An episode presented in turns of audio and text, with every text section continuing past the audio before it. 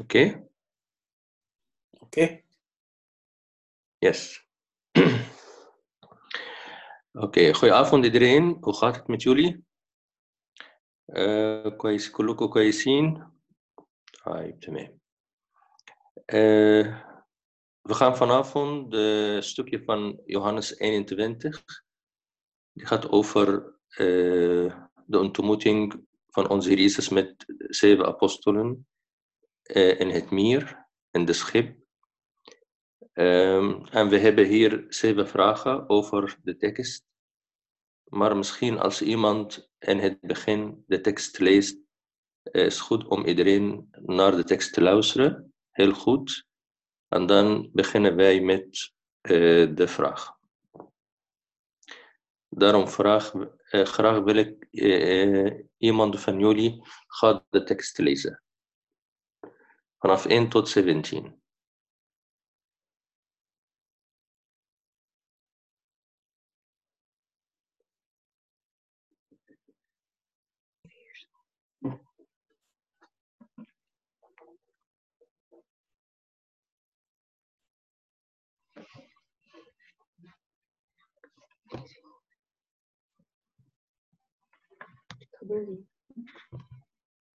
Kan ik lezen?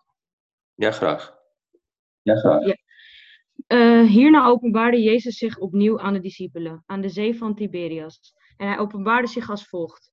Er waren bijeen Simon Petrus en Thomas, ook Didymus genoemd, en Nathanael, die uit Cana in Galilea afkomstig was, en de zonen van Zebedeus en twee andere van zijn discipelen. Simon Petrus zei tegen hen, ik ga vissen. Zij zeiden, zeiden tegen hem, wij gaan met u mee. Zij gingen naar buiten en gingen meteen aan boord van het schip. En in die nacht vingen zij niets. En toen het al ochtend geworden was, stond Jezus aan de oever. Maar de discipelen wisten niet dat het Jezus was. Jezus dan zei tegen hen, Kinderen, hebt u niet iets voor bij het eten? Zij antwoordden hem, nee. En hij zei tegen hen, werp het net uit aan de rechterkant van het schip en u zult vinden. Dus wierpen zij het uit en zij konden het niet meer trekken vanwege de grote hoeveelheid vissen. De discipel dan, die Jezus liefhad, zei tegen Petrus, het is de Heere. Toen Simon Petrus dan hoorde dat het de Heere was, sloeg hij het bovenkleed om, want hij was ongekleed, en wierp zich in de zee. En de andere discipelen kwamen met het scheepje, want zij waren niet ver, slechts ongeveer 211 van het land verwijderd, en sleepten het net met de vissen. Toen ze nu aan het land gegaan waren, zagen zij een kolenvuur met vis daarop liggen en brood. Jezus zei tegen hen, breng wat van de vissen die u nu gevangen hebt. Simon Petrus ging er naartoe en trok het net op het land, vol grote vissen, 153. En hoewel het er zoveel waren, scheurde het net niet. Jezus zei tegen hen, kom, gebruik de maaltijd. En niemand van de discipelen durfde hem te vragen, wie bent u? Want zij wisten dat het de Heer was. Jezus dan kwam en nam het brood en gaf het hun, en de vis eveneens. Dit nu was de derde keer dat Jezus zich aan zijn discipelen openbaarde, nadat hij uit de doden opgewekt was.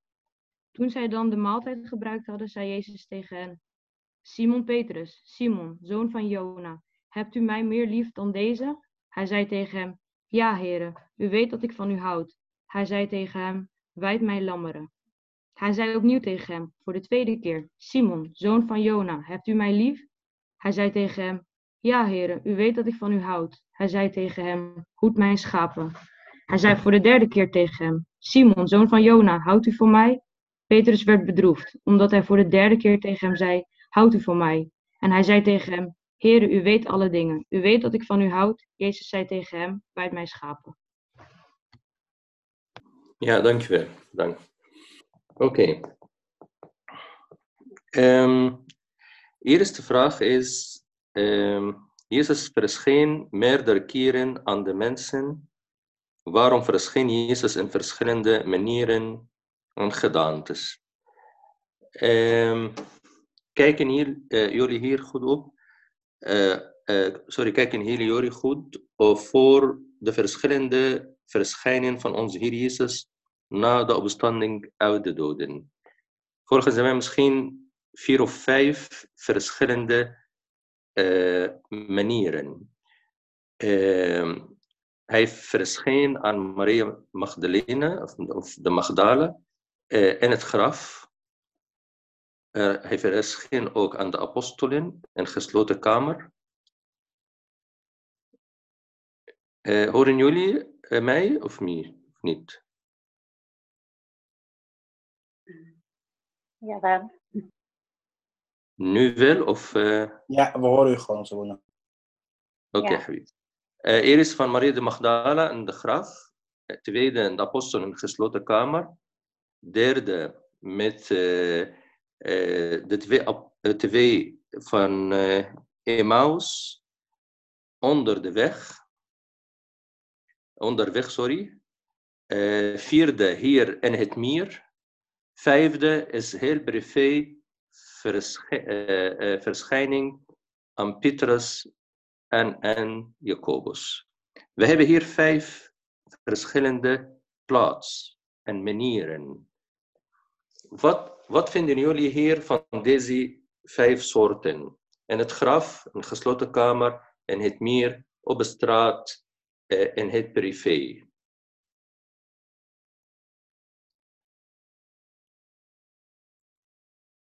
Graag jullie meningen, Habaib.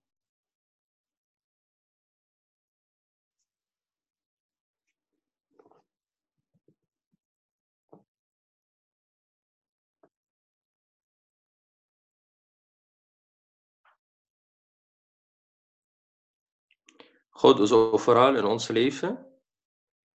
Ja.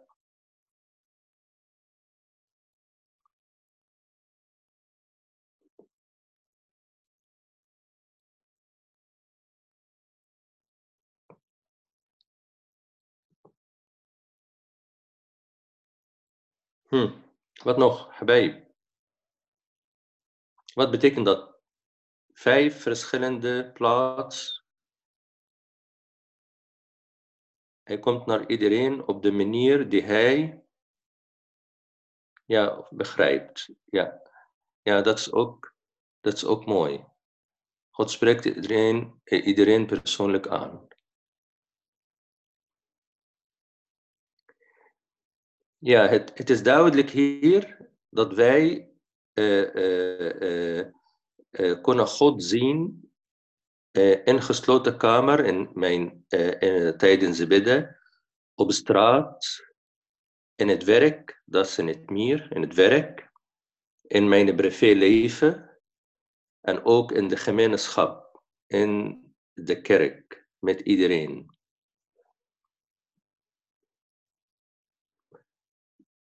Maar wat is hier bijzonder is, dat die, die mensen, die kenden God, God kende Jezus voor meer dan drie jaar, die in het begin eh, wisten niet dat Hij is.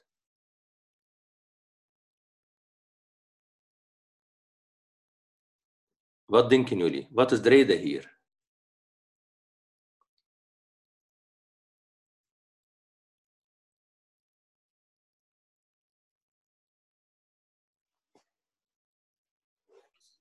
Ik dacht Otsabuna en Smata Blikida. En Hmm. nou, um, maar hij, wou niet zichzelf laten tonen eh, voordat de mensen met wie hij sprak eh, uit zichzelf begrepen dat hij, dat hij Christus was. Dus, niet, dus niet dat hij kwam, kijk, ik ben Christus. Nee, dat hij er kwam en een uitleg of iets deed, waardoor zij uiteindelijk begrepen dat dat de Heer is. Dus ook hier bijvoorbeeld in dit verhaal eh, wist eh, eh, de discipel van, van wie Jezus lief hield, waarschijnlijk was Johannes, volgens mij is dat toch? En Johannes, Eh, wist, ja. Wist hij eh, van, eh, oh, dit is de Heer, en toen pas herkenden ze dat hij de Heer was. ah ja, dat is in het meer met de zeven apostelen. Johannes in het begin en dan de apostelen, de rest, de zes. Ja. Maar er komt hier andere reden ook.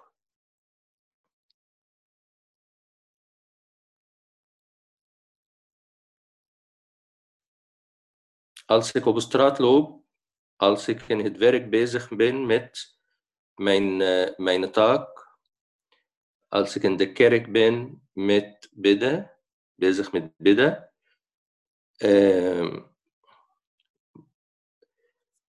kan ook God verschijnen aan mij, of verschijnt God aan mij een andere manier die ik niet verwacht. Maar misschien later merk ik dat God met mij, met, met mij was in die situatie. En, heb ik, en die heb ik niet gemerkt in het begin. Is dat waar?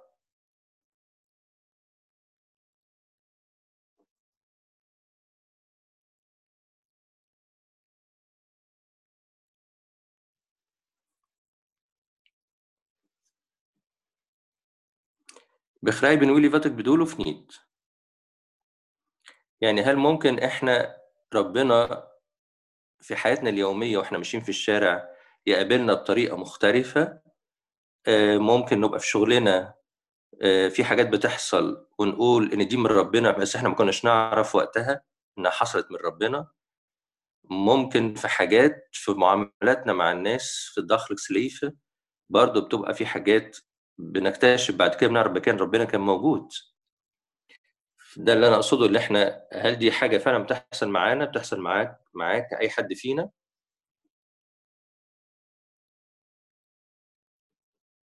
أوكي. يا ده يا. شكرا العربي عربي اشاره يا ده بدولك مت آه، مت أندرا خدانت يا.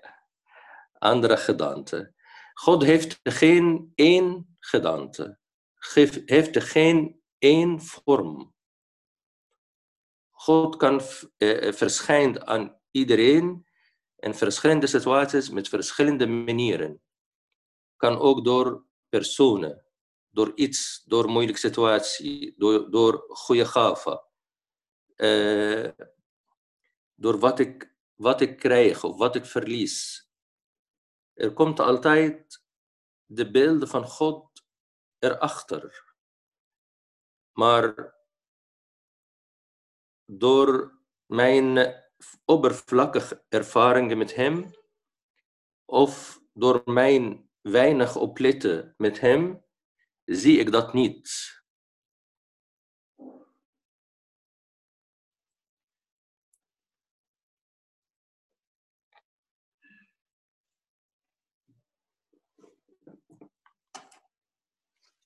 Oké. Tweede vraag.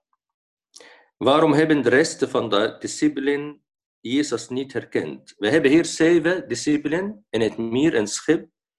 En een van hen, de jongste, Johannes, die heeft God leren kennen vanaf dit moment, maar de rest niet, de zes niet. Wat denken jullie over eh, de reden? Waarom de zes apostelen hebben niet gemerkt dat hij, dat hij eh, was, of dat hij is? Wat denken jullie voor de reden?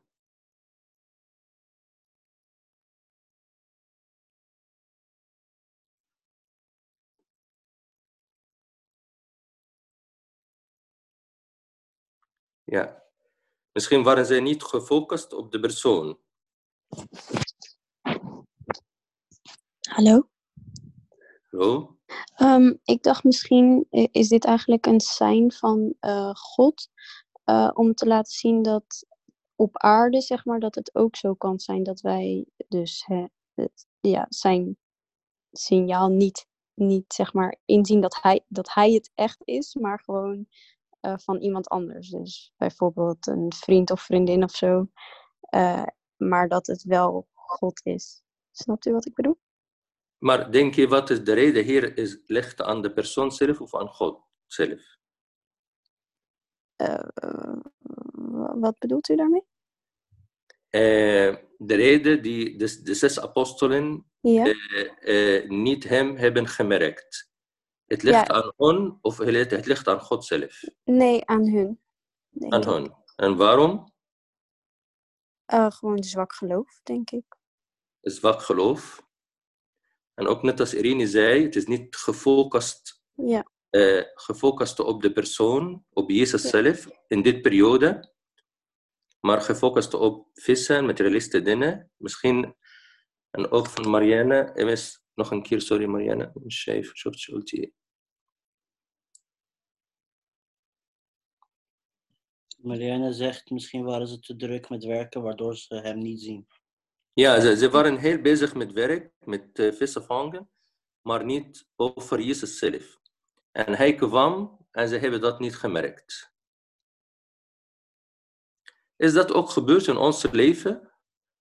Dat wij soms hebben meer aandacht, meer focus voor, uh, uh, voor werk, voor sociale leven, voor ook verdriet, voor angst. En door deze, uh, door deze dingen zie ik niet hem. Ondanks dat hij heel duidelijk is voor mij. Hij komt naar mij. En hij roept mij.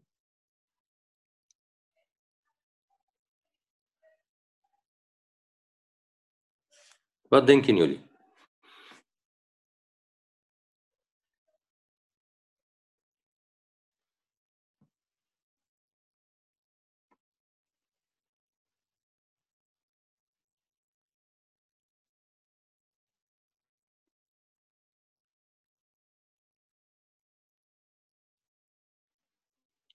حبايبي أنا احب انك تشاركوا أنا مش إحنا مش بندي وعظه that's Bible study that's discussion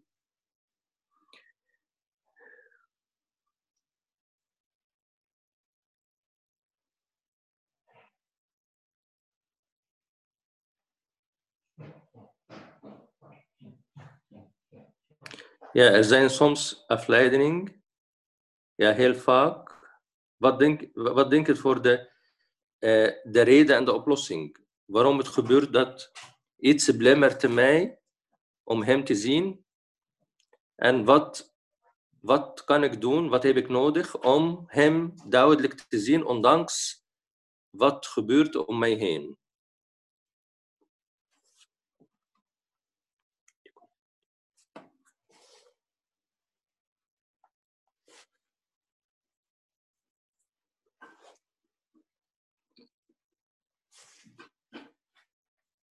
Uh, hoi Abuna. Hoi. Um, ik denk dat we soms uh, heel erg um, bezig zijn met uh, wachten totdat God of Jezus op een hele duidelijke of sterke manier zijn wil laat zien. zonder daar zelf heel veel moeite voor te willen doen. Dus dat we altijd een beetje wachten tot hij um, met, ja, met iets heel groots komt. En anders ja, nemen we het niet serieus. Ja, dan uh, is het gewoon een beetje van... Uh, ja, ik bid wanneer ik bid en ik lees de Bijbel wanneer ik lees. Maar zelf uh, actief op zoek gaan of heel erg focussen op hem... Dat is... Um, dan nemen we het misschien niet heel, heel serieus, zeg maar. Dat, dat doen we ja. gewoon. Maar als hij iets wil, dan moet hij dat wel op een harde manier tegen ons zeggen misschien. Ja, met je eens. Ik, ik denk dat. Dat de kern hier is, wat hij zegt, actief op zoek naar hem.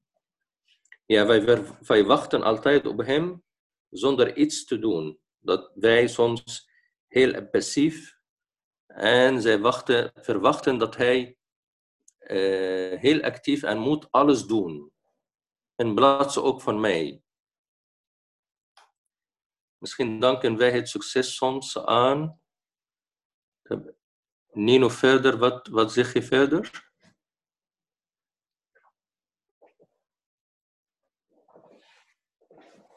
Nino zegt, misschien bedanken wij het uh, succes soms aan onszelf en hiermee vergeten wij waar de bron van alles zit. Ja, dat is ook. Ja. Uh, ik wil ook zeggen, en, en het, uh, als gevolg, zeg maar, of, of als we die argument van actief zoeken, um, ja, je gaat naar school uh, en je, je gaat uh, je huiswerk doen en op een gegeven moment uh, vind je een bepaalde vak vind je interessant. En dan ga je dat studeren en dan word je expert in dat vak door het werk. En nou, op een gegeven moment, na x aantal jaar, hele, ja, gewoon een lange periode, wordt iemand op een gegeven moment gewoon expert in, in iets. Net, zo, net zo, zoals een arts, die kan dan na zoveel jaar herkennen, oké, dit is ziekte, of dit is een kwaaltje, of dit is weet ik van wat. Ik ben geen arts, dus ik, ja, maar goed, een arts die gewoon lang in het vak zit, die kan dingen sneller, makkelijker herkennen. En eh, dat, dat is dus ja, iets wat belangrijk is. Je moet veel geduld hebben om God te herkennen. En ik heb dat zelf ook in mijn eigen eh, leven ervaren. Eh, ik wil niet zeggen dat ik expert ben, maar ik, heb, ik, ik kan wel zeggen dat als iemand genoeg een actieve bijdrage levert en genoeg focus heeft en ook geduld heeft, dat hij of zij op een gegeven moment God zal wel herkennen. In welke gedaante dan ook. Ja, dat is waar. Uh, voor de expert, voor de professionele ervaring. Maar ook als wat je zegt over arts. Met ervaring, als arts uh, werkt voor 30 jaar, hij is 60 jaar, 30 jaar in het ziekenhuis. Maar elke keer moet hij ook de klachten van de patiënt heel serieus nemen. Maar als het alleen op basis van zijn ervaring, misschien uh, lukt het niet met sommige situaties en kan ook uh, gevaarlijke ziekte van de patiënt uh, missen. daarom het niet alleen ervaring, ervaring met God, jaren, oké, okay, dat is heel mooi, maar ook heel serieus in elke moment, in elke periode in mijn leven. Ja, Boena, ik wil nog even zeggen. Uh, ik ben het helemaal eens met wat Irini net zei. Uh, maar soms zoekt God ons heel actief op en wil Hij heel graag met ons zijn, maar komt het niet uit. Want het, Waarom? het is niet het, het, tijdstip wat wij willen. Dat, wij hebben er op dat moment uh, even geen tijd voor. Ook is het ook al is het soms heel duidelijk. Soms zijn we zijn we, hebben we prioriteit gegeven aan andere dingen. Hmm. Dus we willen wel met God zijn, maar bijvoorbeeld alleen in de weekenden en in de avonduren en niet overdag door de week, want dan ben ik bezig met andere dingen. Of niet als je met vrienden bent. Of, uh, hij zit niet ja, hij zit niet in mijn prioriteit. Ja. Ondanks wat hij doet, wat uh, dat hij heel actief is, uh, in, in verschillende gaven, die, die, die wilde hij graag aan mij geven, maar ik, uh, ik geef niet goede aandacht aan hem. Dat bedoel je? Ja, uh, ik wil er geen tijd voor vrijmaken. Ja, oké. Okay. Geen tijd besteden aan hem. Goede tijd of een, voor herstelmomenten, voor uh, uh, tijd voor met concentratie. Ja. Okay. Ik had laatst een uh, mooie quote gelezen en uh, dat ging van um, hoe, kan je, hoe kan je zeggen dat God stil is als je Bijbel dicht is? Um, ja. Dus dat, daar moest ik even aan denken, zeg maar hoor. Maar verder ben ik het eens met Marie. Je, je wil het soms inderdaad even niet niet aangaan allemaal. Dat uh, denk ik wel. Ja, ja, dat denk ik ook. Ja, de Bijbel is de bron. Eh, Als ik nog heel klein nog iets mag toevoegen. Vorige week was het de Leidensweek. En het was zo ontzettend makkelijk voor iedereen om dit te volgen vanuit huis. Het kost geen reistijd. Het enige wat je moet doen is inloggen. Maar dan moet je het nog steeds tijd voor vrijmaken. Uh, en soms, voor sommige mensen is het nog steeds te veel moeite, ook, voor mijzelf. Mm. Ja.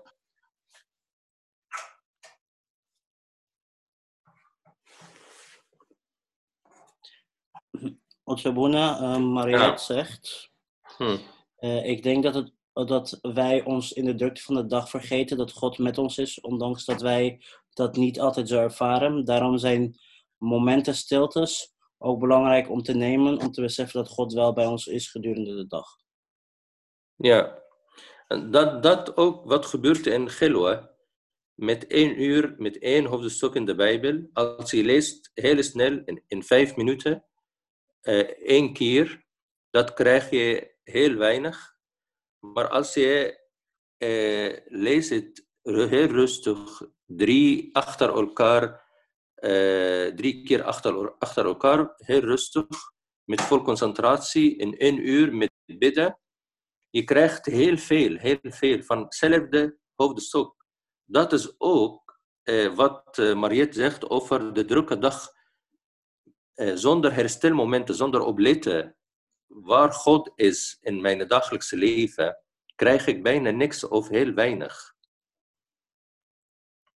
Wat Tobias zegt hier, ik denk zelf dat als zelf iemand geen tijd heeft, hij of zij God in zijn dagelijkse leven prioriteit kan geven. Ja. Soms helpt, uh, Steven, soms helpt het om door de week aan God te denken, door bij het begin van de dag Hem te vragen jou te leiden op werk, school, etc. Ja, dat is ook mooi. Door bijvoorbeeld tijdens de drukte van je leven God en die mensen die zien, bijvoorbeeld. Ja, dat, dat is ook. Oké, okay. موي ايوه كده وتبقى اكتيف شويه كده يعني الموضوع كده افضل شويه في الدسكوسي oké vraag 3 waarom herkende Johannes Jezus terwijl hij de jongste van hen allemaal is waarom wat zei ermee ook, God in die mensen te zien, hoe zou die in werking gaan dan? Ja.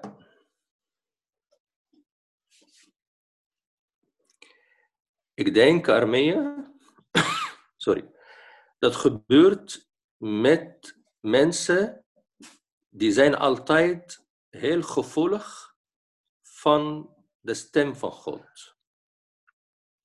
Yani als ik heel erg gevoelig ben van de stem van God en ik doe mijn werk, ik, ik loop op straat, ik, uh, ik rijd mijn auto en gebeurt er iets ertussen, bijvoorbeeld met iemand die ontmoet mij een kritiek geeft. Misschien deze kritiek krijg ik in een negatieve manier. Waarom zegt hij of, zij dat? Of uh, zie ik deze soort van feedback, negatieve feedback of kritiek, als een signaal van God voor mijn leven, om meer opletten van mijn gedrag, van mijn communiceren met mensen Daarom denk ik dat mensen die, uh, uh, die God zien in hun leven door anderen, die mensen die zijn heel erg gevoelig uh, voor de stem van God. اوكي ده عشان السؤال ارميه طيب um, ja uh, derde vraag waarom herkende Jezus, Johannes Jezus terwijl hij de jongste van hen allemaal is wat denken jullie Johannes was de jongste van de zeven apostelen discipelen maar hij hij heeft God leren kennen in het begin. Hij was de enige die in het begin zei, hij is Jezus, hij is God. Omdat Johannes het, het meest, Johannes het meeste heeft meegemaakt met Jezus. En wat denk je van het meeste heeft meegemaakt met Jezus? Het ligt aan Jezus of aan Johannes zelf? ligt denk ik aan Johannes zelf. Want Johannes was altijd met Jezus en hij hield heel erg veel van hem. En diep ja. in zijn hart wou hij Jezus denk ik ook heel graag terug of zien. En daarom heeft God het hem gegeven, denk ik. Ja, ja dat denk ik ook. Met je ja. Uh, uh, maar dat is ook gevaar dat je één beeld van God voor zelf maakt. Wat, wat bedoel je, Stefan? Sorry.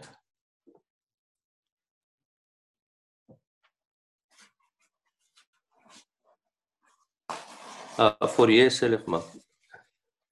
Ja, wat ik daarmee bedoelde is, als je graag iets wil en dan kun je iets voor je in, je, in je hoofd zetten, um, dat het een vals beeld van God is en die zelf wijs maakt dat het God is en dit Gods tekenen zijn om jouw doel te bereiken. Hmm. Ik denk, Steven, ik zelf denk dat de soms de, de, de vermenging tussen goede beelden of echte beelden van Jezus en vals beeld gebeurt altijd, maar ook met ervaring. maar het wordt altijd minder door de tijd, door de diepe ervaring voor de mens. Ik, ik kan ook voor heiligen, die ook soms hebben uh, uh, vals beeld, op een gegeven moment. Niet altijd, maar misschien in één situatie. Maar da daarom het is onze uh, manier van bidden altijd elke dag. God, alsjeblieft, laat u, uw echte beeld, uw ware beeld, heel duidelijk voor mij. Yani als je kijkt in eerste brief aan Johannes, hoofdstuk 5, eerste brief aan Johannes, hoofdstuk 5, de laatste vers. Eerste brief aan Johannes, uh, hoofdstuk 5, de laatste vers. Vers 20 en, uh, en 21. Vers 20 en 21.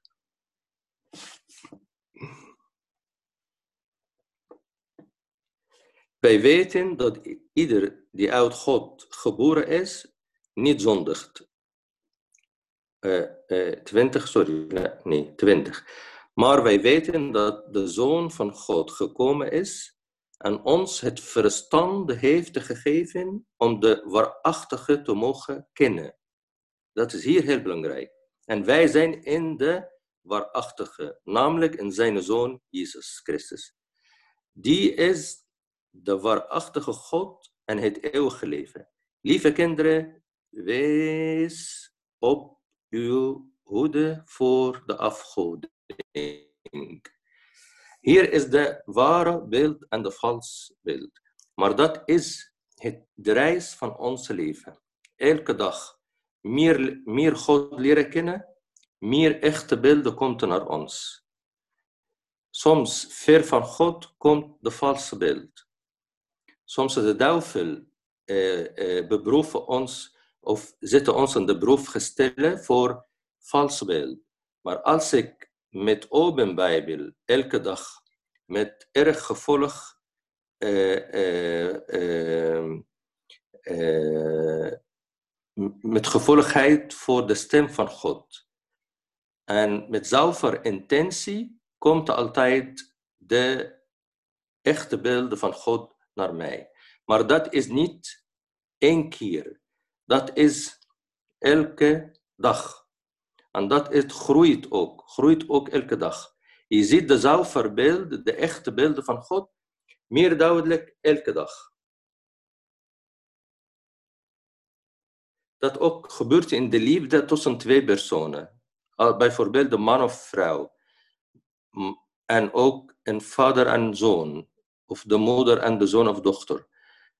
Met het leven, of door het leven, elke dag, je krijgt de echte beelden van je geliefde.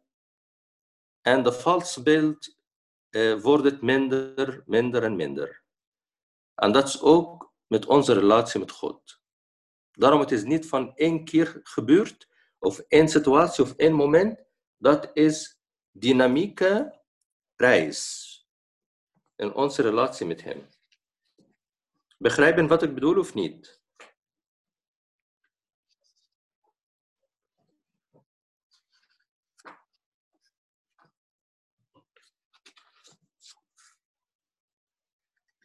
Oké. Okay. Mina vraagt, Hmm. maar wat zegt deze vers over de mensen die niet de ware God kennen, maar wel denken, eh, denken de ware God te kennen? تاني السؤال يا أندرو ماشي sorry Wat zegt deze vers over wat mensen die niet Eh, de de, ware God welke, kennen? welke vers? Welke vers? أقول أبونا أنا الآية بتاع آه، آه، de ware, ware goed kennen dat ik لسه طلعتها آه آه نيوح- اللي هي إرس بريف van Johannes. Ja. Ja, oké. في ناس في ناس آه، zij geloven echt dat zij de ware God kennen. Ze denken dat ze de ware God kennen. Dat kunnen onze eh, eh, Joodse vrienden zijn of eh, islamitische vrienden of andere gelovigen. وهم falen met ekedien en هم عارفين vrienden طبعا binnen. Hmm, إيماننا hmm. dat is niet de ware God. وحسب die is niet de ware God. wat zegt deze vers dan over deze mensen?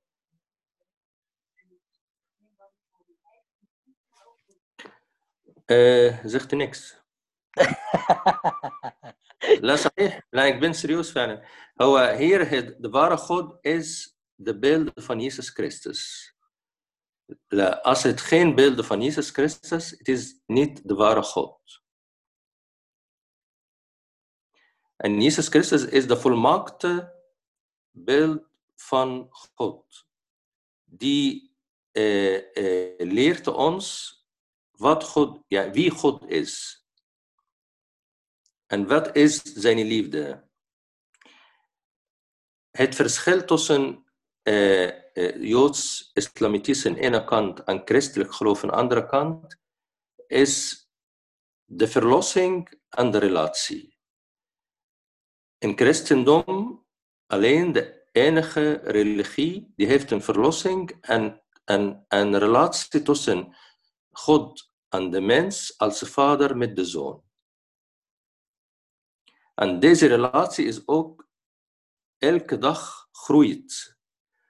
Niet groeit van wat krijg ik van hem, maar wat, hoe ik hem meer leren kennen. Als je ziet de kern van islamitische uh, religie, het gaat over wat je doet en wat je krijgt dan. Wat is de beloning, wat is de bestraffing? Als je bidt, als je vast, als je doet iets goed, je krijgt dat en dat. Ook van Joodse mensen, als je leest in het Oude Testament, het is in, in, in Deuteronomy 27 en 28, je ziet wat de beloning en de bestraffing. Maar in christelijk geloof, het is niet van wat je krijgt of wat je verliest. Het is een relatie met een persoon. En je hele leven, je bent bezig met hem om te leren kennen. En dat is de kern. Als ik christelijk ben en ik ga hem niet leren kennen, maar als, en alleen ik ga naar de kerk om iets te krijgen van God. Ik, ik bid om iets te krijgen van God. Ik vast om eh, dat kwade te, voor te komen. Dat is, in, eh, het is niet christelijk beeld ondanks dat ik christelijk ben. Ik leef hier in christendom نيتن كريستلك ميتين كريستلك منير ان اخت كريستلك منير and that that is het gevaar denk ik.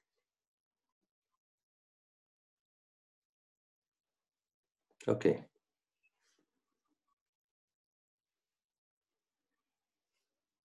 طيب السؤال اللي بعده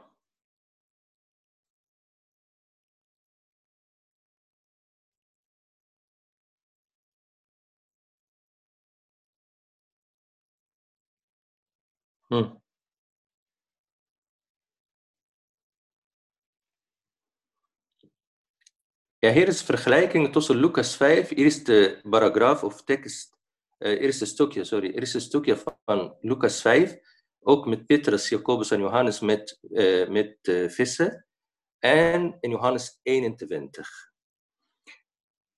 In allebei, in, in de twee wonderen, zij kregen heel veel vissen. In, in, de, in de twee wonderen, de, de netten waren vervuld met vissen. Maar de enige, verschil hier, in de eerste wonder, in Lucas 5, de netten was uh, gescheurd door veel vissen. In Johannes 21, ondanks dat ook veel vissen, en grote vissen, maar de netten was niet gescheurd. Waarom de Bijbel vertelde ons dat?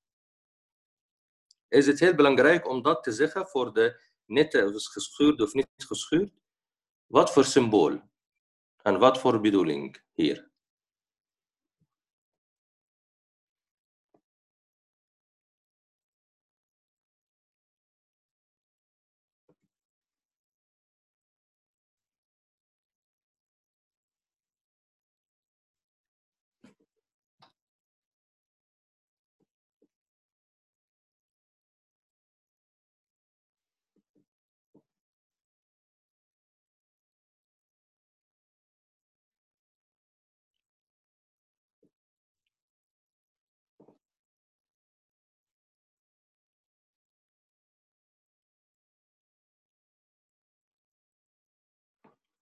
يا حبايب الشباب أحب أسمع رأيكم Ja, ik denk dat sommigen wel klaar zijn voor God om zich zichtbaar te maken en anderen niet klaar zijn. Zoals de ene net de vissen wil kan houden, de andere het niet. Ja, dat is mooi.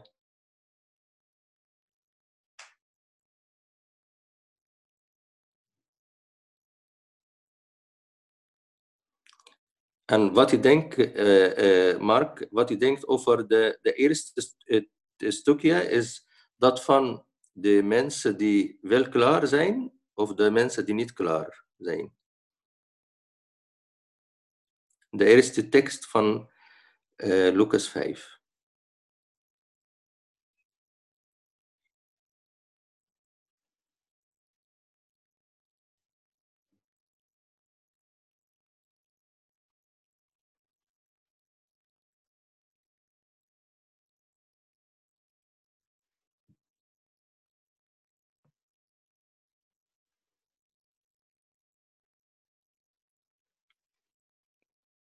Wat denken jullie? الشباب بحب أسمع رأيكم برضه. Is het belangrijk voor de Bijbel om dat te ver- ons te vertellen over de netten die gescheurd of niet gescheurd?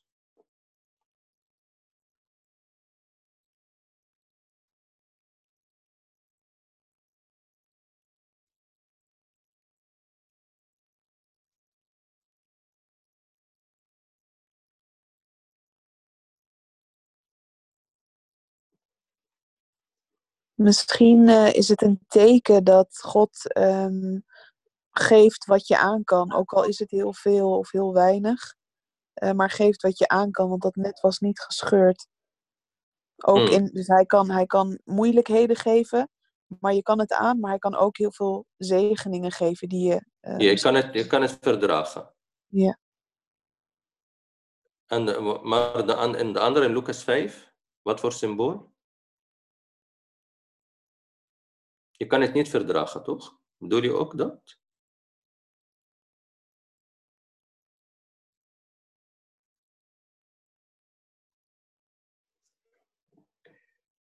Oké, de heilige vaders eh, zeiden hier iets heel bijzonder, dat de nette hier is ons, is wij, is jij en ik. En de vissen hier is symbool voor de gave van God. Dus altijd in de Bijbel is ook vissen soorten van symbool van gave van God, hemelse gave. En de tijd voor Christus, van het Oude Testament, eh, de oude mens kan niet de gave van God ehm, eh, hebben in zijn natuur. Zijn natuur eh, is heel zwak en kan niet de hemelse gave houden. Maar na het kruis, na opstanding uit de doden en de vernieuw van de natuur van de mens, kan de mens, de christelijk mens, de hemelse gave eh, eh, houden. En dat verklaart misschien ook eh, waarom in het Oude Testament eh, de mensen kunnen niet liefde tonen aan andere mensen, vooral voor vijanden. Maar in het Nieuw Testament wel.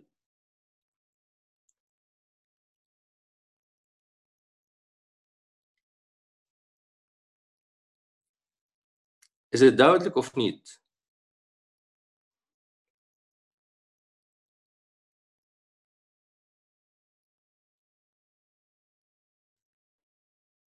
Oké. Okay.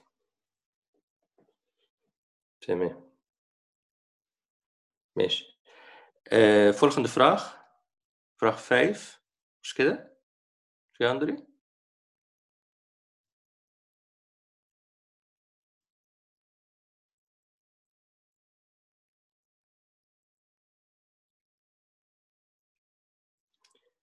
Waarom vroeg Jezus aan Simon Petrus, hebt gij mij waarlijk lief? Waarom is hier de vraag gebaseerd op de liefde?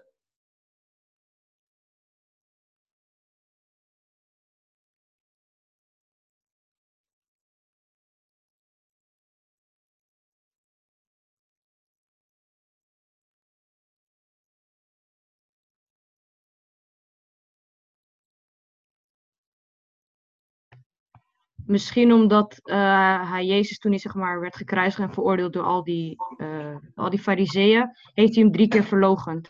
En toen wilde hij weer vragen van, heb je me toch wel echt lief?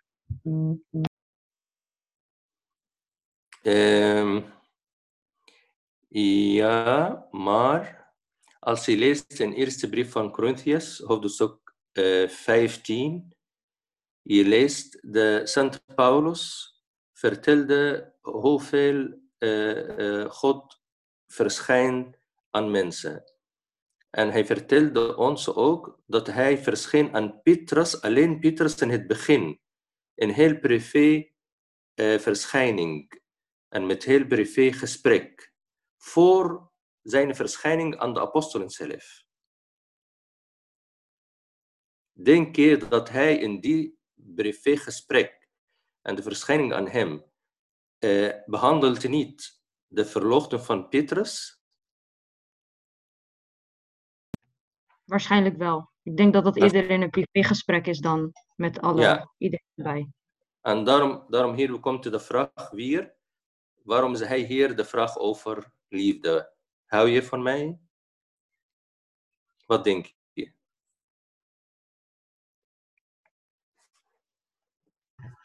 In dit geval weet ik het niet, om eerlijk te zijn. Oké, ja, dat denk ik ook. Het is niet, gaat niet over wat heeft Petrus gedaan, eh, omdat hij eh, voor dit gesprek, eh, hij verscheen aan hem alleen. Dat leest je in een eerste brief aan Corinthians, hoofdstuk 15, volgens mij vers 3 of 4.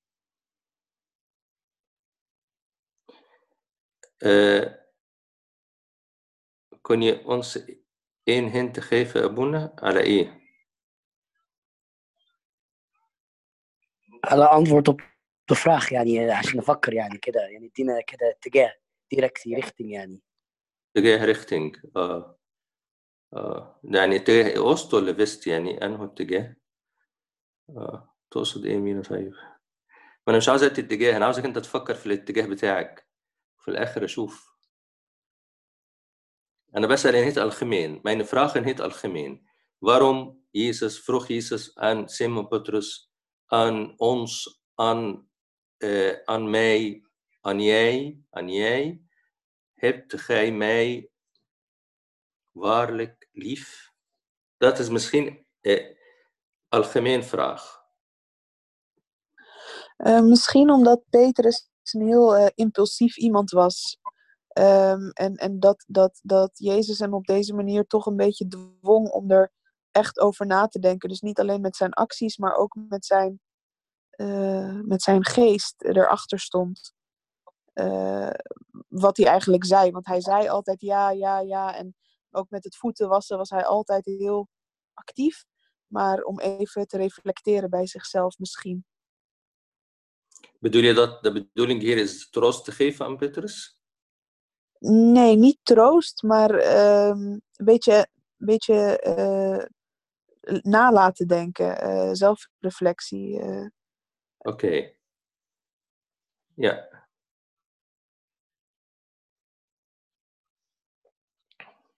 اوكي كويس خالص ايه تاني طيب هذا اسمه شارو ik denk dat dat is allerbelangrijkste vraag van Jezus aan Petrus hebt gij mij waarlijk lief? En het antwoord is nog belangrijker. Beetje denk, nalaten denken zelfreflectie. Liefde dat, ik denk dat liefde gewoon de sleutel tot God.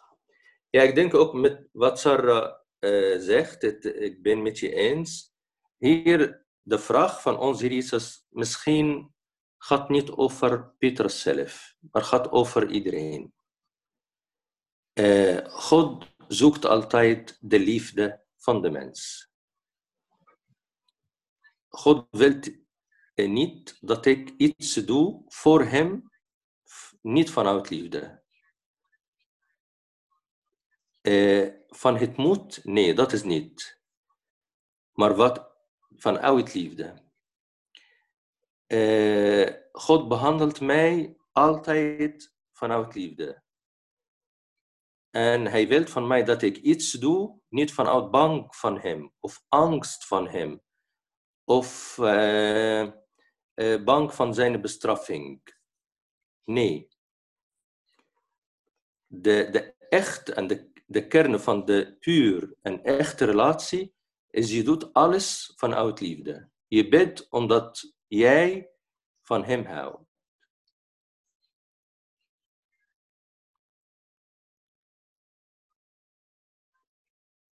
En daarom de vraag is altijd, eh, gaat over eh, liefde. En de liefde ook, de Godse liefde, net als wat, wat eh, Sarah zegt, dat is de sleutel tot God leren kennen.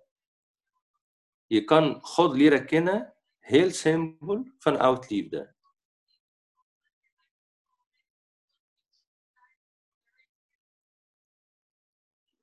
Ja, misschien eh, heb ik niet gelijk, misschien wat Irini eh, eh, zei, of Sharo, maar dat is, ja, denk ik, het is hier de vraag van God is voor iedereen. Houd je van mij? Dan deze. Dat is altijd. En deze vraag ook is niet van één keer. Misschien begin ik heel serieus relatie met God, heel diepe relatie, heel warme relatie met liefde, maar door de tijd, eh, ja, door de tijd verlies ik mijn intentie, mijn, mijn, eh, eh, mijn warmte en mijn relatie met God wordt het koud. En dan komt er nog een keer de vraag, een andere periode. Houd je van mij? Houd je nog steeds van mij? Eh, eh, zit mij in, in je prior- prioriteit? Besteed je tijd aan mij? Hele goede tijd aan mij? Dat deze vraag komt altijd in ons leven, in verschillende perioden. En misschien ook dat is de, de, de, de, de, de bedoeling van drie keer vragen.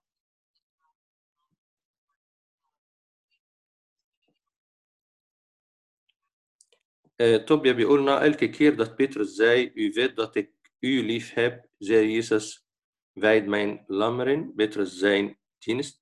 Geen dienst, of daad in het leven kan uitgevoerd worden zonder een liefdevolle relatie met Jezus. Ja, dat denk ik ook. De Gedma gaat niet over eh, eh, welke welk niveau hebt in de Gedma of in de kerk. Eh, ik ben priester, er is andere dienaar eh, in zondagschool en er is ook dienaar in de kantine, in de supermarkt, in eh, schoonmaken in de kerk. Hier het gaat niet over welke taak heb je, maar hoe doe je, hoe doet je de taak? En daarom dat maakt in, in eh, eh, eh, sommige dienaren, die hebben heel simpel taak in het ogen van de mensen, maar in het ogen van God, die zijn de beste dienaren van de kerk. En kan andersom ook.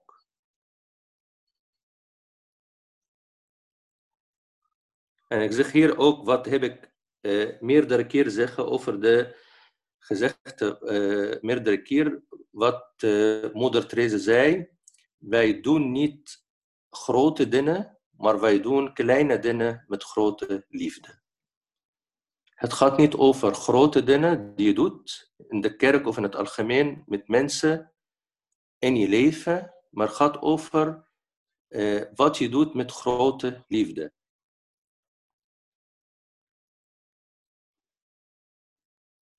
Abouna, mag ik een vraag daarover stellen ook? Ja, natuurlijk. Ehm, eigenlijk dacht ik, eh, toen u de vraag stelde, dacht ik meteen aan iets anders. Want als we het hebben over echte liefde en de liefde in Christus, is liefde ook een groot stukje opgeven. يعني تضحية يعني مم. الوزن يعني لما الواحد فعلا بيوري حبه مثلا لحد أو للمسيح عامة بيبقى لازم بيضحي بحاجة بيدي حاجة Opoffering. O- Opoffering. Ja, Hmm. en Hmm. dat is dus eigenlijk waar ik als eerste aan dacht. Dus dat je ook Ja. iets moet kunnen opofferen. Ja, maar opofferen ook is dynamic. Is, sorry? But, but is dynamic يعني حاجة Oh, dyna- ديناميكية. ja. It's niet Ja, حتى ja. sta- it's niet static. Mm, mm. Maar het is dynamic. Opofferen van tijd voor Jezus. Opofferen van mijn wil. Ik, ik doe iets tegen mijn wil. Dat soort ook opofferen. Opofferen ook eh, van de... آه، فط- يعني مثلا التضحية دي مقصود بيها إن أنا مثلا بضحي بوقتي جزء من وقتي بخصص وقت لربنا أهم من أي حاجة تانية التضحية مقصود بيها إن أنا أضحي أوقات ممكن إن أنا أجي على نفسي ضد إرادتي. عشان أعمل. حاجة للمسيح هي دي التضحية وبوفرنج proces Ja. En, en als je kijkt naar martelaren bijvoorbeeld. Maar niet martelaren die eh, eh, hadden go- eh, geen wil tegen de, de criminele mensen. Net als مثلا ناس في يصلوا في الكنيسة, mensen bidden in de kerk en komt in aanslag en iedereen geen, eh, ga- eh, gaat dood. Eh, dat bedoel ik niet. Maar net als van de, de ambtenaren of de mensen eh, die werken, eh, werkende in Libië. In Libië. Eh, dit is de mensen van eh, Samalot. Mhm. Oké? Eh, denk je dat de, de, de, de, de christelijke persoon heeft zijn leven, hele leven opoffering tot dood, zonder iets te doen van tevoren in zijn leven? Kan niet eh, opofferen van, van zijn wil, van de tijd voor Jezus? Dat, dat, kan, ik, dat kan niet. Dat denk ik niet. يعني ما ينفعش حد يضحي بحياته كلها وما كانش قبل كده بيضحي بوقت ربنا ما يضحيش بكرامته ما يجيش على نفسه. واحدة آه. آه ما بيجيش مرة واحدة. والناس اللي قدموا. حياتهم كلها لربنا كانوا قدموا حاجات كتير قبل كده.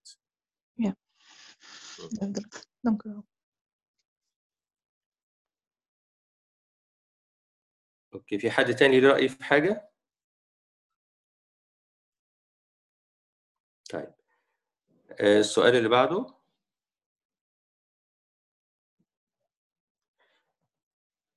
Waarom stelde Jezus hem drie keer deze vraag? Is dat, dat eh, om hem eh, te herinneren van zijn zwakte, de zwakte van Petrus, de drie keer Jezus verloochende tegen de vrouw? Is dat de reden?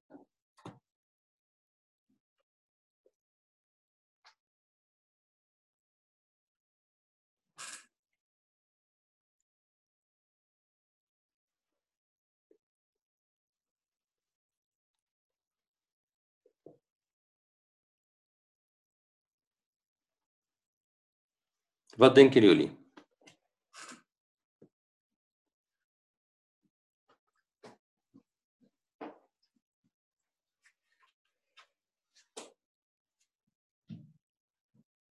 Ik denk niet, Abune, dat, ehm, dat God hem wilde herinneren aan zijn zwakte. Hmm. Waarom, ja, dat zou God niet willen, denk ik.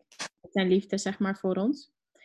Maar hoe ik het opvatte was dat eh, hij Petrus drie keer vroeg om te verzekeren, om zeg maar niet voor zichzelf om te weten of hij natuurlijk van hem houdt, want dat weet hij. Maar om te laten dat Petrus zelf zegt dat hij van hem houdt.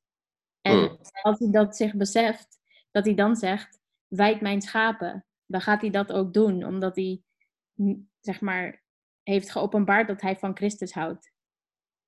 Ja, dat is mooi. Ja.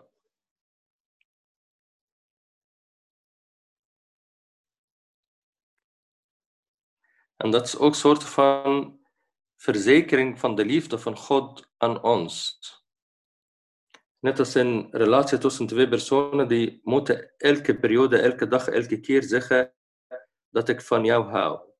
Dat is ook met God. God elke dag tegen ons eh, gaat zeggen, ik hou van jou. Ik hou van jou. Elke dag. En als je ziet in de versen in de Bijbel, vooral in het Nieuw Testament, je ziet heel veel ver- versen van liefde. En dat hebben wij nodig elke dag. Dat God naar ons te zeggen, ik hou van jou.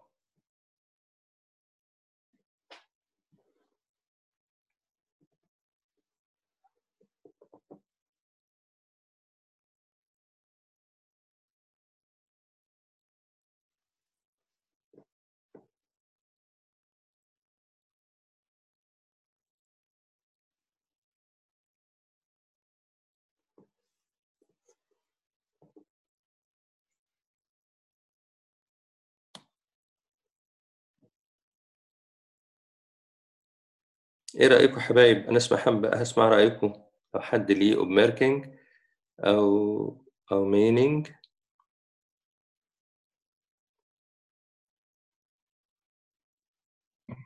Abuna, is het in deze situatie niet weer om die drie keer verloochenen of is dat, heeft dat hier niks mee te maken? Ik denk de Mianet heeft, heeft niks te maken met, met verlogen. Als je ziet, eh, oké, had je mij, yani, kijk naar eerste brief aan Corinthians, hoofdstuk eh, 15. Eerste brief aan Corinthians, hoofdstuk 15.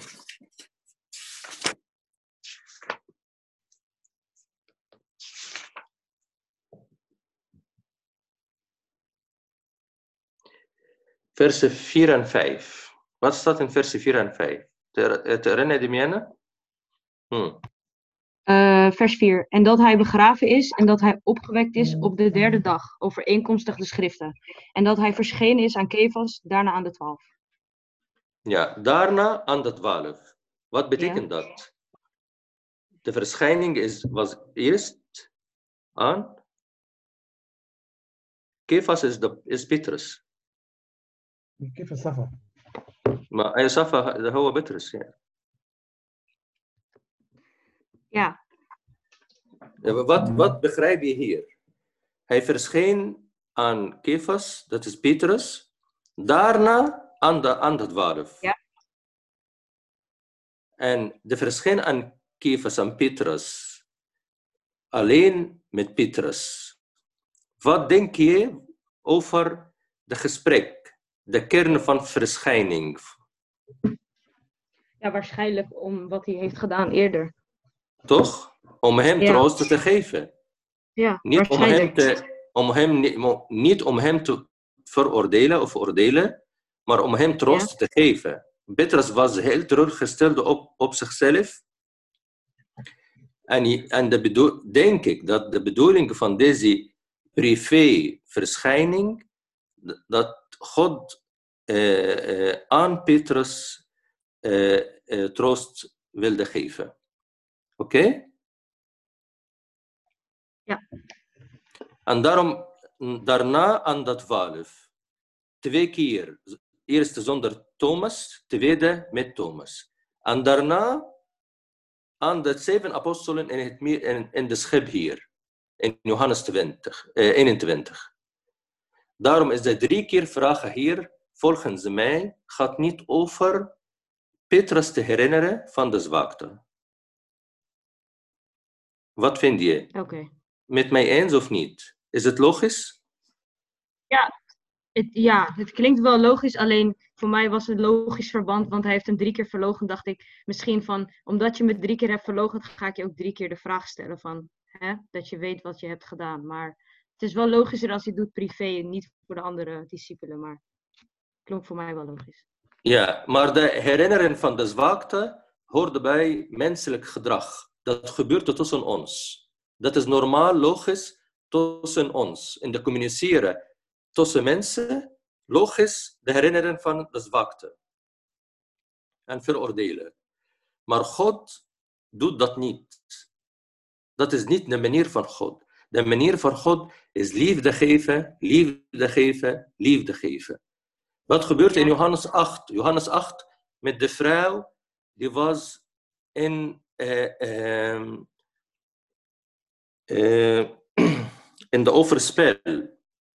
En de Joodse mensen eh, brachten deze vrouw voor Jezus. En ze zeiden tegen hem, de wet zegt dat deze vrouw moet nu naar dood. Met de stenen. De stenen gooien op de vrouw.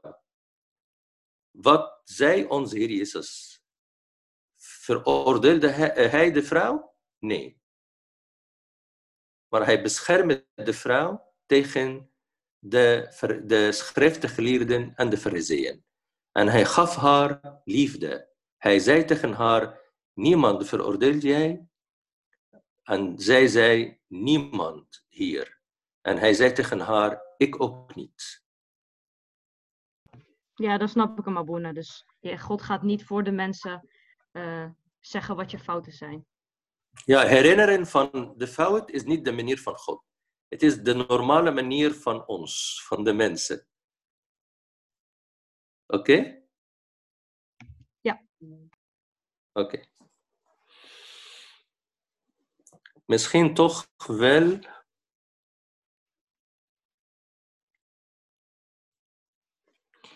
Eh, misschien toch wel drie keer om hem te herinneren aan de verlochten. Niet in de zin om hem spijt te laten voelen, maar dat voor elke keer dat hij hem verlochten, is hij vergeven is. Dat Petrus er niet onbewust nog steeds aan zou denken, dus closure van dat moment in zijn leven dat hij door kan. Ja, dat, dat kan. Ik, ik, ben het, ik ben niet met je eens, maar dat kan. Misschien.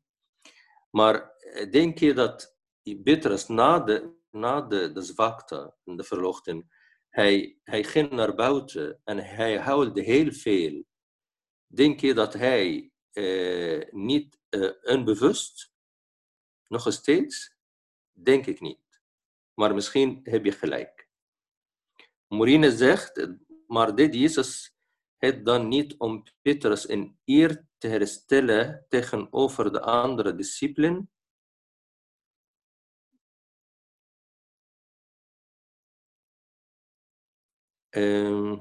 يعني هو كده كان بيديله احترام أكتر من التلاميذ تقصدي كده مورينا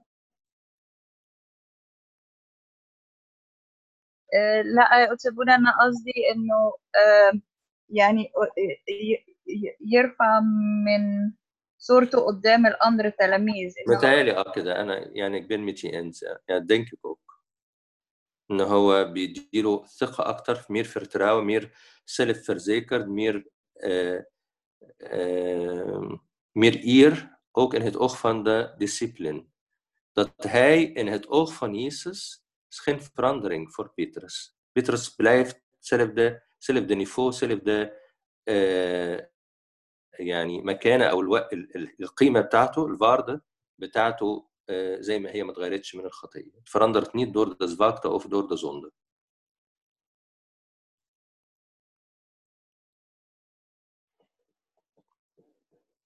طيب آخر سؤال آه، ده مهم قوي نفسي معلش هنقف عنده شوية بس نركز فيه كويس قوي.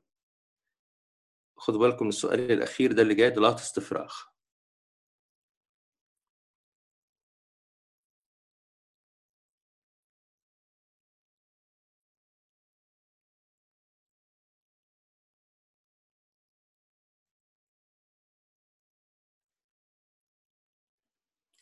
Na de opstanding van Jezus en nadat Jezus meerdere keren aan de discipelen verscheen, gingen de discipelen terug naar het visserwerk. Waarom deden eh, ze dat?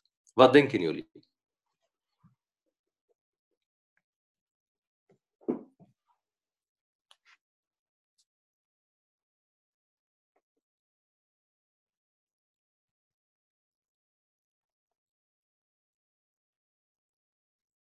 Ze wisten niet beter, Abuna. متعودين على كده Ze wisten niet beter متعودين على كده متعودين على ايه؟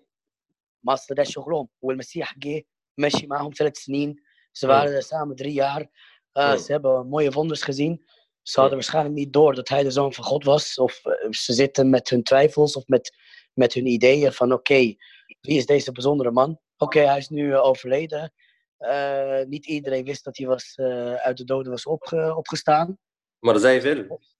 ja, zij, zij, maar ook hadden ze, ze hadden hem niet herkend. Hmm. Een paar, ze- hij verscheen meerdere Wa- keren. Elke Wat keer. bedoel, je bij, wat bedoel je bij herkend? Welk soort van herkennen? نعم مش مش المسيح ظهر لهم كذا مرة Hmm.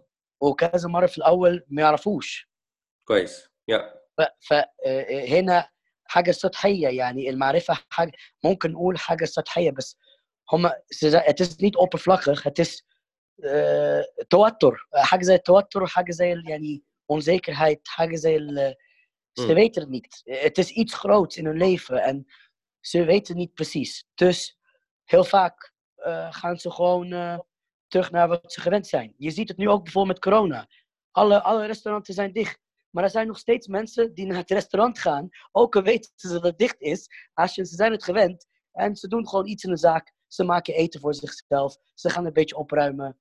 Ja, gama, jullie weten dat het dicht blijft twee, drie maanden. Maar toch gaan ze naar de zaak. Met oude dien. توتر. Het is een grote iets. يعني الإنسان لما بيبقى في حاجة كبيرة في حياته ن- niet altijd بياخد قرارات logisch. هم. هم. أوكي. طيب نشوف برضو رأي تاني. سارة صليب بتقول ik denk dat het een soort reminder was aan hun dat zij hun leven niet kunnen hervatten zonder Jezus.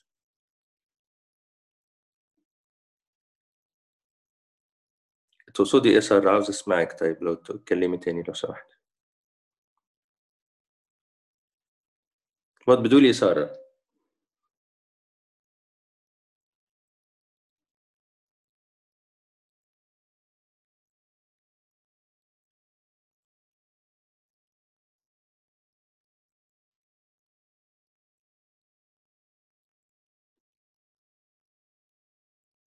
En het was zo in dat, dat is de bedoeling van Jezus zelf, dat zij niet kunnen leven eh, eh, eh, zonder hem. Dat bedoel je? Ja, dat is de kern van verschijning van Jezus aan hen. Om, om hen te laten zien dat zij kunnen niet leven zonder hem. Dat bedoel je, Sarah?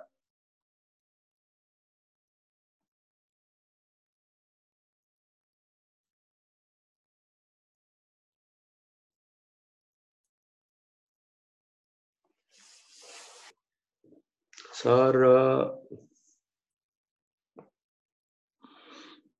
Hmm. Type. Andere mening? Ehm, Jezus had toch tegen hen gezegd van jullie moeten in Jeruzalem blijven totdat ik terugkom. En hmm. dat, ik denk dat ze dat gewoon hebben gedaan. En ze hadden niks te doen in de tussentijd, dus gingen ze dat doen. En ze hadden nog niet zeg maar, die rol van die gidme gekregen om dat ze dat gaan doen voor de mensen. Denk hmm. ik. Oké, mooi. Omdat Jezus nog niet tegen hen had gezegd van, ga maar dienen Ja. voor mij. Ja. En Morina, ook nadat Jezus aan hen was verschenen, waren zij niet meer bang en gingen zij niet meer verstoppen. Oké, ehm, mijn mening hier is ondanks de drie jaar leven met Jezus en heel veel wonderen hebben gezien en ook heel veel wonderen hunzelf hebben gedaan. eh, van ziekte genezen, van eh, de duivel uitdrijven, van de onreine geesten, van, de, van alle soorten van wonderen, die hebben de, de discipelen zelf gedaan, ondanks dat zij vluchten in de tijd van het kruis. En ook ondanks dat heel meerdere keren verschijnen van Jezus aan hun, ondanks dat zij waren terug naar hun werk. Maar na de neerdaling van de Heilige Geest in de uh, Pinksteren, in de vijftig dagen, in de vorm van vuur, en hun tong verandert hun leven 180 graden. Ze gingen niet naar hun werk, oude werk, gingen niet naar vissen of naar. Uh, uh, ze waren niet meer bang van iemand of van iets. En dat verklaart het verschil. Oké, okay, sir, en dat verklaart het verschil tussen wat gebeurt, wat, wat gebeurt om mij heen. Toch heb je. Oh, hm? sorry. En dat verklaart wat het. Ja, voor die trui die ik vroeg. Oh. Okay. Dat verklaart het verschil tussen wat gebeurt om mij heen of en wat gebeurt in mijn innerlijk mens. Bijvoorbeeld in de, in, in de tijd van nu. Sommige mensen hebben de verschijn van Macht Maria, verschijning van Macht Maria in de kerk in Egypte gezien. Dat is heel mooi. Dat is bijzonder. Maar dat gebeurt buitenaf. Hier, wat meer zeker is, wat meer sterk is, wat gebeurt in hun hart, in hun innerlijk mens. Voor de apostelen, zij hebben de wonderen van onze Jezus gezien, zij hebben ook zelf de wonderen gedaan, maar ze kunnen niet het kruis verdragen, de ellende van het kruis. Ondanks dat zij hebben onze Jezus gezien na de opstanding uit de doden, zij kunnen niet nieuw leven uh, uh, uh, verder hebben. Kunnen niet. Dat, wat gebeurt hier is buitenaf. Buiten in de omgeving, maar niet in onszelf, in hun innerlijk mens. Wat gebeurt in de Pinksteren, in de 50 dagen, is de Heilige Geest is in hun innerlijk mens. Dat verandert hun hele leven, dat maakt hun nieuw, uh, nieuw persoon. En dat is ook een les voor ons in ons leven. Wat heb je gezien buitenaf in je omgeving is goed, maar dat is niet de kern van je geloof. Maar wat verandert in je hart, in je gedachten, in je gevoelens, in je wil, in je kracht, dat is de, de kern van uh, je geloof. Oké? Is het duidelijk of niet؟ أحب أسمع رأيكم فيها دي الحتة اللي هي آخر سؤال أو أكتر حاجة في الآخر. هم. إيه رأيكم؟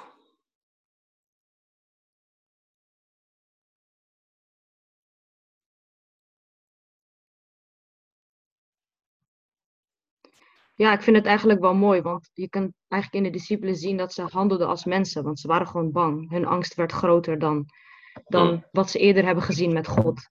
Dat ze in hem geloofden.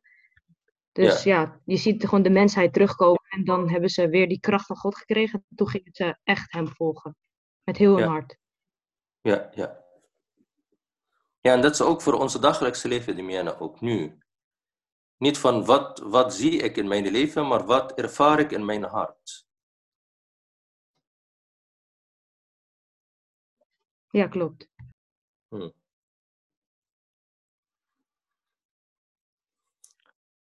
Eh, hebben jullie vragen, opmerkingen? Eh, ik heb een vraag, Abuna, eh, niet, Ja. over, niet, niet over deze vraag, maar over alles in het algemeen. Hm. Eh, waar was Jezus in de tussentijd, yani, tussen al deze zuhurat? Waar, Hm. waar was hij? Ja, kijk, Rini, de Bijbel is niet een, een boek van geschiedenis. Eh, eh, eh, het geeft ons een symbool van. Maar als je leest ook in de einde van Johannes 20. Hij zei, Johannes zei, Jezus heeft heel veel dingen gedaan. Als ik schrijf ik letterlijk, ik denk dat de boeken van de wereld kunnen niet deze verzamelen of deze houden of hebben in de boeken van de wereld. Daarom wat, wat eh, de Bijbel vertelt aan ons van wonderen, het is symbool, maar het is niet alles. En dat is ook opstandige uit de doden. Eh, eh, wa- wat zei Sant Paulus in, in eerste brief aan Corinthians, hoofdstuk 15, dat Jezus verscheen aan Jacobus. Dat staat niet in de vier evangelies. Hij zei ook, hij, hij verscheen aan 500 mensen in één keer. Dat staat niet ook in de vier evangelies. Daarom denk ik dat Jezus verscheen aan heel veel mensen, heel veel, maar de Bijbel eh, geeft iets eh, symbool aan ons. En ook, ik denk dat hij verscheen aan apostelen meerdere, meerdere keren, niet alleen twee of drie of vier, maar meer, meerdere keren, om hen ook te vertellen over de kerk van het Nieuw Testament. Eh, wat is de fundament van de kerk? Wat is de regels? Wat, is, wat moeten zij doen in de verkondiging eh, eh, aan, aan andere mensen? Dat denk ik. Maar Maar hij precies. was wel op aarde, zeg maar. Hij, hij, was, Ja. niet, hij was gewoon op aarde in, in de, tijdens de 40 dagen na, na Pasen. Het, het lichaam. Het lichaam. Het lichaam, ja. Ja, ja, dat denk ik. Oké.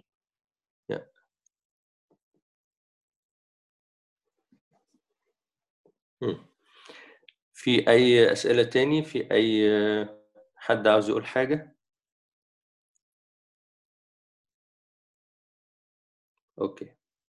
Tot volgende keer aanstaande dinsdag نشوف في persconferentie ولا لأ ونحدد الميعاد بقى حسب ما نشوف الموضوع. ماشي شعر شكرا حبيبي. ربنا معاكم شكرا دميان ربنا معاكم. طيب u wel Mark ja jullie dank ook Monika Mina en iedereen